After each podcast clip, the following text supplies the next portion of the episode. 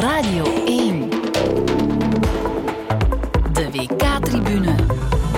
Met Jonathan met de penning. Goedemorgen en opnieuw welkom. Gisteren kwamen twee topfavorieten in actie. Portugal bibberde tegen Ghana. Ja, ja, kijk, daar gebeurt het. Hij heeft het niet gezien. Oh, hij glijdt weg in Jackie Williams en hij kan niet scoren. Dat was wat ik wilde zeggen.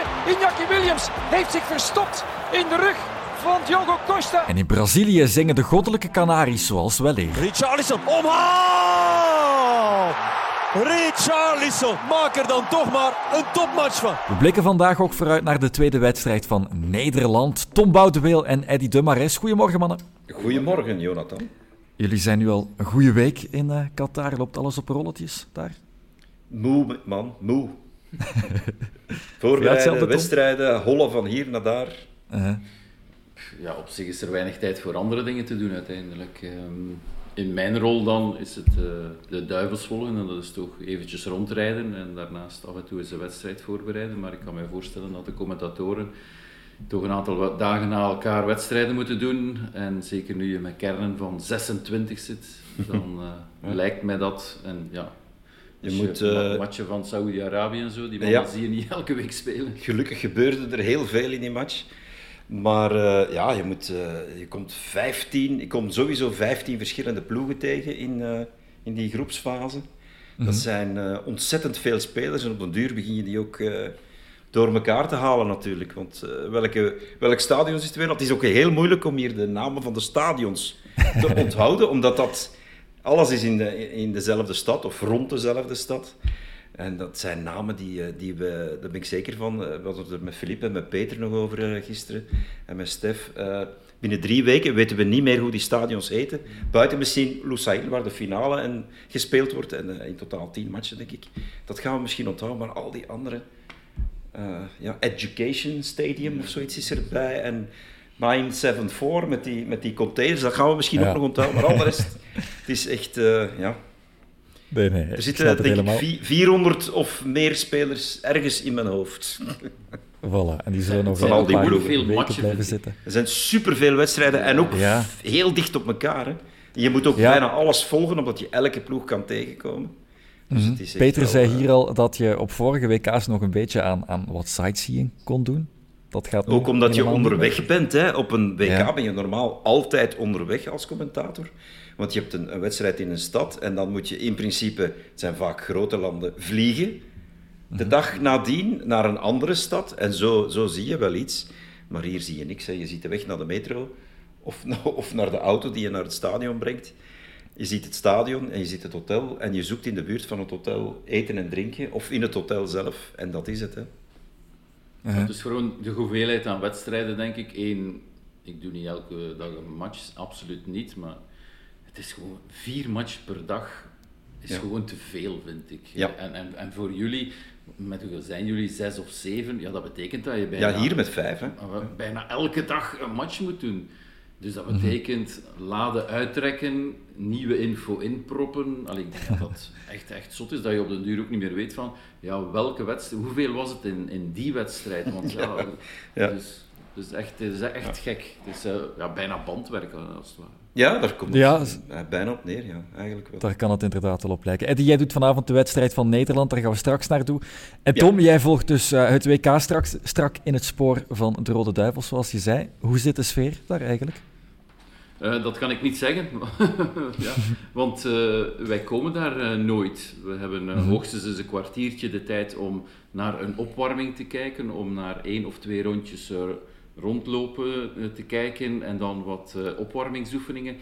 Verder komen we niet, dus het inschatten van hoe de sfeer daar is, ja, dat kan ook niet, want en dat is sinds Mark Wilmots, dan mochten we nog de hele training bekijken en dan ja, kon je ook wel zien dat ze niet voorbereid waren. Maar sindsdien ja, is alles achter gesloten deuren en heb ik het gevoel dat je voortdurend bedot wordt. En dat maakt je ook argwanend, want je kan evengoed Romelu Lukaku laten opwarmen, maar als de pers weg is, kan je hem gewoon weer wegnemen. Of je kan twee andere spelers zetten die even komen loslopen en iedereen denkt, ah ja, ze zijn erbij.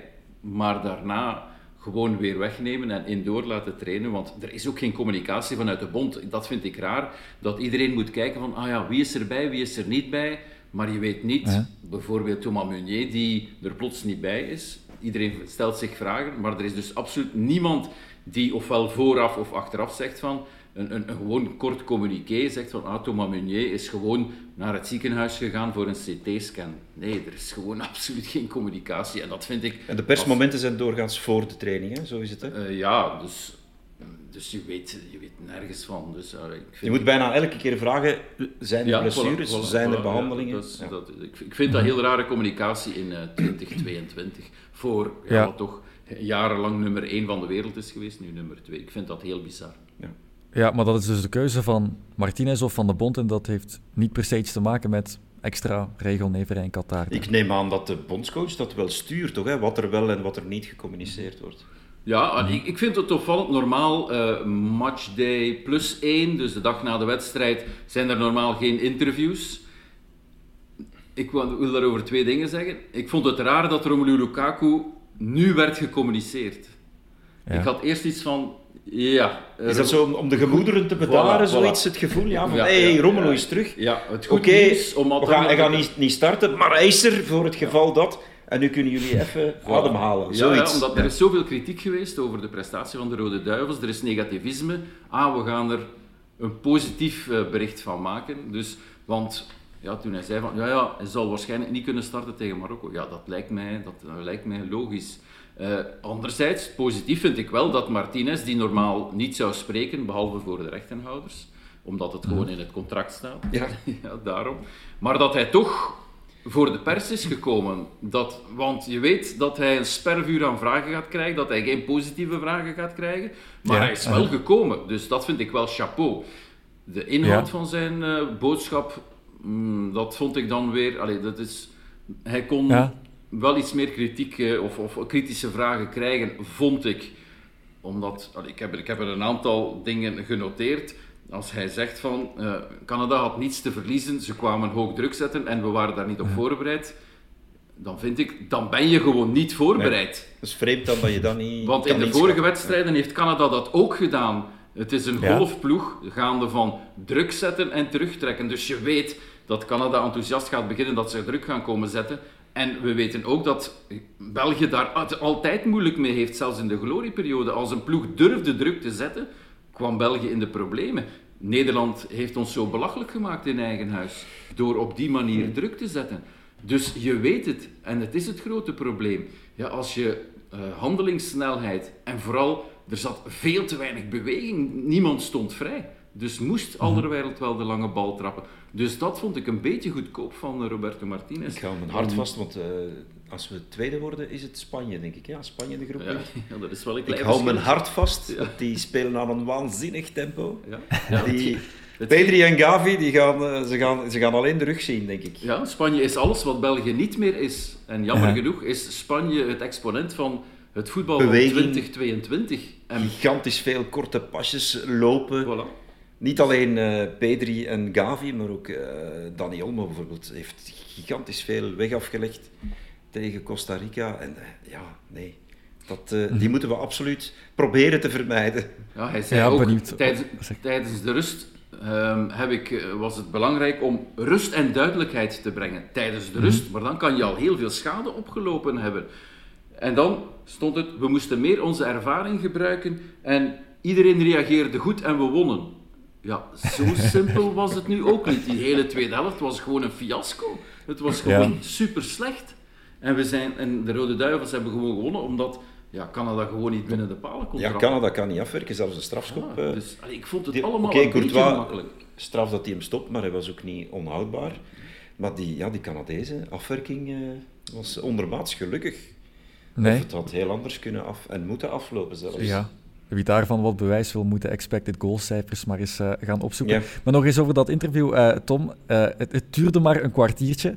Um, dus dat is wel wat tijd, het is niet zoveel. Maar het maakt het wel makkelijk voor Roberto Martinez om te zeggen, want er werden foto's getoond, ja, daarmee kan je niet veel bewijzen. Dat is oneerlijk om het zo te doen. Dus dat is altijd het excuus voor hem. Daarmee Roberto dat jij zou willen dat je langere... Antwoordt ook nooit op een vraag. Hè? Nee. Die vertelt zijn eigen verhaal. Beetje zoals George Lekes uh, vroeger, hè, die zei, die twee dingen wil ik vertellen. Je kan me vragen wat je wil, je ziet het hem denken ook, maar ik ga toch altijd hetzelfde weer antwoorden en mijn eigen verhaal brengen. En ik ga nooit in op, op kritische vragen, ik ga er omheen fietsen en ik blijf er omheen fietsen, want ik weet dat jouw tijd beperkt is en mijn tijd niet. Dus uh, ik vertel wat ik wil en niks anders. Ik vond het ook raar dat hij zei, één, we zijn uh, overmand door emoties. Terwijl, ja, als je de namen bekijkt, dat eigenlijk is niet, hè? Courtois, Vertongen, Alderweireld, een Donker, uh, Kastanje, Carrasco, Wit, uh, Carrasco, Witzel, Tielemans, Hazard, Kevin De Bruyne en Michi Batshuayi. Dat zijn wel elf namen die er, wat is het, al zes jaar bij zijn bij Roberto Martinez. En dan, we hadden maar één week om voor te bereiden. Ja, die jongens kennen elkaar al door en door, wat hij zelf ook zegt. Mhm. Dus dan vind ik het raar. Je moet niemand inpassen. Behalve misschien een beetje Kastanje. Dat is de man die er nog het minste bij is. Maar die is er toch ook al heel lang bij. Dus ik vind dat heel raar. Allee, ik heb nooit in een openingswedstrijd van een WK uh, gestaan. Misschien is dat ook wel zo.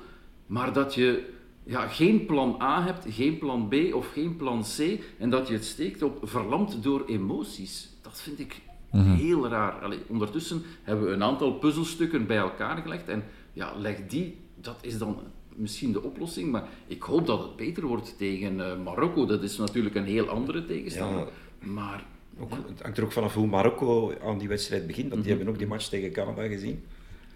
Maar ja. het, is uiteraard een heel ander soort voetbal. Maar uh, België... het, het, leuke aan zo'n WK is, je kan ongelooflijk slecht beginnen. Kijk naar wat we in Mexico gedaan mhm. hebben, dat was ook een dramatische groepsfase. En wat hebben we daar gedaan? We hebben de halve finales gehaald. Dus niet te vroeg... Uh, de halve finales Al te negatief worden, maar het was absoluut niet goed. En het kan alleen maar beter, zou ik zeggen. Voilà. En het moet ook beter, want anders is het uh, na de groepsfase al afgelopen. Hopen en afwachten en dan kunnen we naar gisteren. Want gisteren hebben jullie allebei wel voetbal kunnen kijken. En jullie hebben Portugal en Brazilië hun toernooi zien openen.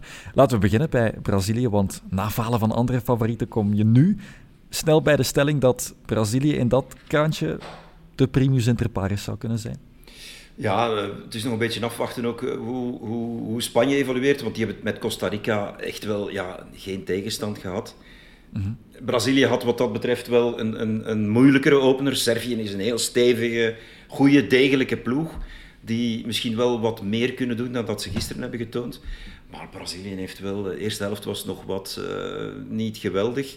Maar wat ze in de tweede helft hebben gedaan, en als je dan ook nog ziet hoe Titch, moeten we zeggen zeker tegenwoordig, of ja. Uh, wat die allemaal van de bank kan inbrengen. Het was alsof hij wilde laten zien van, kijk eens jongens, ik haal die en die en die eraf, en ik kan die en die en die nog zetten. Kom maar op, zoiets, uh, zo'n gevoel uh, had je wel. Ja, dat, dat gevoel had ik ook bij, bij Spanje. Je brengt wat gasten in, wat jonge gasten, en die willen doordoen. En die Terwijl... allemaal diezelfde, diezelfde snelheid, diezelfde drang vooruit. En dan had ik het gevoel van, misschien, het is nog vroeg, maar ja, is het Als je weer... Balde en Williams zag inkomen, linksachter van Barcelona, Balde, die, die Jordi Alba uit de ploeg gaat spelen, kan niet anders. En, en uh, Williams op, de, op Nico Williams op de rechterkant, ongelooflijk snel, creëerde ook meteen kansen. Die jongens zijn nog geen twintig, hè? of rond de twintig, dat is ongelooflijk.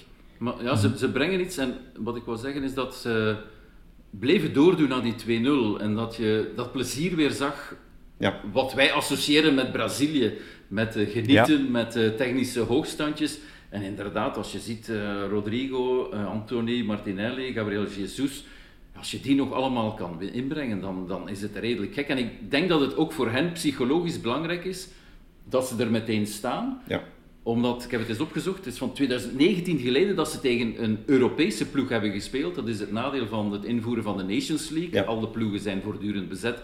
En Argentinië kan niet spelen tegen de Europese ploegen, Brazilië ook niet. Het is een heel andere speelstijl om, om, om te voetballen tegen uh, een Europese ploeg. Nu, ze zijn het wel bijna allemaal gewend van in Europa te voetballen. Tuurlijk, dus ja. dat zal ook wel ergens helpen. Ja. Maar, maar ik denk dat het voor psychologisch wel uh, uh, belangrijk is Twee dingen belangrijk ook. Ik wil wel zien, Zwitserland, ik schat Zwitserland misschien nog net iets hoger in dan Servië. Uh, altijd goed op een WK, komen eigenlijk altijd door de groepsfase. Uh, Vorig jaar een heel sterk EK gespeeld ook. Uh, Frankrijk uitgeschakeld, Spanje op de rand van de uitschakeling gebracht. met strafschoppen uiteindelijk eruit gegaan. En, en een ander ding is Neymar, hè, hoe zit het met zijn enkel? Ja. Dat, uh, dat moet dat is uh, dat misschien ook nog wat. Voor hen zal dat mentaal. Ze hebben talent genoeg, eventueel, om dat op te vangen. Alhoewel, van zijn niveau zijn er maar uh, drie, drie of vier in de wereld. Maar ze hebben wel gigantisch veel talent om dat op een of andere manier wel te compenseren. Maar mentaal, als hij uitvalt, dat hebben we ook gezien op het WK in Brazilië 2014. Als hij uitvalt, dan gebeurt er iets hè, met dat land, met die ploeg waardoor het uh, misschien ook hier kan ineenstuiken. Hè. Ook, al, ook al zeg ik, ik herhaal, hebben ze talent genoeg om zelfs dan nog, nog heel ver te komen en misschien zelfs dan nog te winnen. Maar mentaal ja, hoop ik toch voor Brazilië dat het niet te erg is met hem.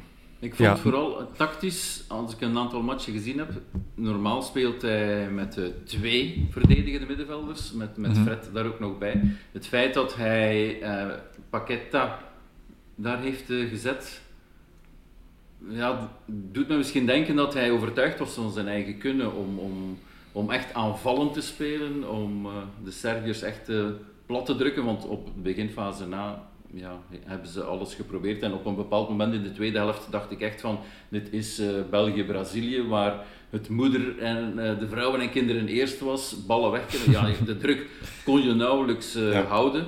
Maar uh, alleen met, met Casemiro erbij, ik vond dat hij ondanks zijn leeftijd toch weer uh, een goede wedstrijd Casemiro speelde... Een geweldige trap op doel Ja, ja, ja. En een, geweldige paas in het begin van de wedstrijd. Ja. Iets waarvan ik niet wist dat hij het in zijn uh, locker had, om het zo te zeggen. Maar de opvallende matchwinnaar gisteren was Richarlison, spits van Tottenham dit seizoen. Die was uitstekend en dan mag er nog een overtreffende trap zijn voor zijn tweede doelpunt. Ja, ja in de tweede helft, op de eerste helft was hij eigenlijk uh, niet aanwezig. En na de rust maakt hij ja, die tweede goal. Dat is, uh, zijn er niet te veel die hem dat gaan nadoen. Nee, en het paasje ook. Neymar kan dat ook bijvoorbeeld. Uh, Messi uiteraard. Ik heb Ronaldo. tien of vijftien keren herbekeken. Mm Omdat ja, de goal is natuurlijk fantastisch, maar als je een buitenkantje is altijd leuk natuurlijk. Een voorzet met een buitenkantje, dan heb ik, keek ik van met uh, links aannemen, draaien en dan die geweldige trap. Ja, die... Ah, dat is echt een wereldgoal. Fantastisch gewoon. Ja. ja, en zelfvertrouwen dat zich ook uitbetaalt dan. Want voor, voor de persconferentie hadden ze al meegegeven dat ze voor de komende tien doelpunten dansjes hadden voorbereid. Nog achtergaan. ja, Ze gaan misschien niet toekomen met tien dansjes als nee, het zo nee, nee. gaat. Hadden ze ook gezegd. Ook, uh, de rest moeten we nog uitvinden. Iets makkelijker matchen ook, hè? ja. En maar wat ik me wel afvraag, hoe ze, hoe ze achteraan gaan zijn als ze echt onder druk komen tegen de betere landen. Ja. Daar hebben ze toch leeftijd, hè. zeker centraal achterin uh, zijn ze, gaan ze... Uh, Silva gaat naar de 40 toe zelfs. Dus als ze daar tegen snelle jongens uh, moeten optornen... Ze hebben natuurlijk heel veel ervaring en, en, Silva toont ook in de Premier League dat hij nog topfit is. Maar wie, toch, had, wie ja. had dat gedacht, dat hij nog ja. zo zou spelen? Beetje. Dus dat is misschien nog een, een vraagteken waar we nog absoluut niet kunnen op antwoorden, maar... Ja, maar ik denk dat veel ploegen op dit WK, en dat heeft misschien vaak met landsploegen te maken, defensief gewoon niet zo solide zijn of niet even uh, gedisciplineerd Ecuador is dat wel, dat kan ik je wel vertellen. Ja, maar dat zijn landen die niet anders kunnen, denk ik. um, ja, ja. Nog een ploeg die defensief misschien niet zo sterk stond gisteren, dat was Portugal in groep H. Zij wonnen met 3-2 van Ghana. Het werd spannend nog. Maar het beeld van de wedstrijd zat aan het begin en dat waren de tranen van Cristiano Ronaldo bij het volkslied. Die wil zich zo ja, graag nog eens bewijzen. Hij beseft dat het uh, zijn laatste WK is natuurlijk, want over mm -hmm. vier jaar gaat hij er toch echt niet meer bij zijn, of toch niet als speler. Mm. Um, en hij wil, die, Ronaldo is, denk ik, of toch zeker naar buitenuit, veel meer bezig met records dan Messi. Mm -hmm. Op dat vijfde WK scoren, dat moet voor hem al heel lang een hele grote obsessie zijn. En dat wilde hij absoluut doen. Hij heeft er een, eigenlijk een halve zwalbe voor nodig gehad ja, om die strafschop dan toch makkelijk te krijgen. Ik vind, eigenlijk, ik vind eigenlijk dat scheidsrechters nu met de VAR, en zeker hier op dit WK, waar, waar er zo gigantisch veel camera's zijn, bij zo'n geval niet zou moeten fluiten en het aan de VAR overlaten om te beslissen van het is strafschop of niet. Want mm -hmm. je bent zo makkelijk gefopt. In dit geval is hij gewoon gefopt, die scheidsrechter. En je kan ook niet zeggen dat het, dat het 100% geen strafschop is, want er is wel heel ergens contact, zoals het vaak is. Maar uiteraard had hij nooit moeten fluiten. Maar de VAR kan moeilijk zeggen, het is een clear error. Nee. Uh, dus we grijpen in. Uh, dat vind ik jammer. Dan zou je als scheidsrechter, scheidsrechter moeten zeggen, ik fluit niet. En laat de VAR maar kijken. En, en dan hebben we tenminste heel veel meer beelden om een betere en, en juistere beslissing te kunnen nemen. Nee, het probleem is natuurlijk dat de bazen ook zeggen van eigenlijk moet de hoofdscheidsrechter moet de hoofdscheidsrechter blijven en hij moet de beslissingen nemen. Hij kan dat ook nog doen na het bekijken van de beelden natuurlijk. Ja, want het is zo moeilijk geworden voor scheidsrechters met de invoering van de VAR van mag ik nu wel fluiten, mag ik nu niet fluiten. Hetzelfde met grensrechters, die zijn bijna Dus- overbodig geworden. Ja, dus eh het is zo moeilijk. Dus ik, ik begrijp wel dat hij de beslissing moet nemen, want, want anders is het ook voor scheidsrechters niet meer te doen van in deze fase moet ik het laten passeren, in de andere fase laat ik het aan de VAR. Ja, dat lijkt me echt Maar eh, het is heel toch een gekkenhuis, want soms komen ze plots terug op een eh, beslissing, want er is ergens onderweg een overtreding gebeurd. En het is toch strafschop of, of weet ik veel wat. Ja. Maar ik vond, Ja. ik, vond eh, ik heb het niet zo voor Cristiano Ronaldo en Nee? ik, ja, ik denk dat hij het ook... Ik denk Hij dat, heeft wel een fantastische voetballer, hè? daar zijn we het allemaal zeker, over eens. Zeker, zeker. Maar, qua karakter bedoel je dan, qua Ik- ik, uitstraling? ja, ik bedoel, dat meeleven in het begin, ik denk dat dat ook allemaal een beetje mee het merk Ronaldo moet promoten. Dus voor mij, het beeld is, en we hadden het hier daarnet nog over, is bijna de 3-3. Ja, hoe hij daar kijkt. What Ja, the fuck? Dat, vind ik Ja. bijna- Stel je voor dat daar een 3-3 wordt Ja. op die manier. Ja. Ja, Had eigenlijk moeten gebeuren. Hè? Ja. Het heeft weer, want je ziet opvallend veel, had ik toch het gevoel, spelers die wegglijden, Mhm. omdat ze per se eh, met eh, bepaalde Korte noppen. korte noppen willen Ah, spelen, ja, terwijl het soms echt aangewezen is om toch wat langere eh, noppen te gebruiken. Of, eh, en, en dan wat als die, als die andere schoenen aan heeft, die Ghanese, dan is het gewoon 3-3. hè. Dus ja, dat vond ik, dat vond ik Dat was een geweldig beeld toen van Ronaldo, dat is absoluut een feit. En dat was spontaan. Dat was zeker niet geacteerd. nee, maar hij zal eh, Ja. tevreden zijn dat hij dan toch heeft kunnen winnen. Eh Eddie vanavond, of zeg maar, wil je nog iets Zeg zeggen? maar toch. Ja, ik, ik, ik wou gewoon zeggen, Ronaldo is een fantastische speler, maar je ziet het afbouwen eh, natuurlijk. Zeker, Niet, ja. niet, niet Ja. alleen in, wekelijks in de competitie, maar ik vind ehm, in die wedstrijd tegen België vond ik het ook al, en dat is ook al een aantal jaar geleden, vond ik het ook al niet meer de Ronaldo Die al- vorig jaar op het EK.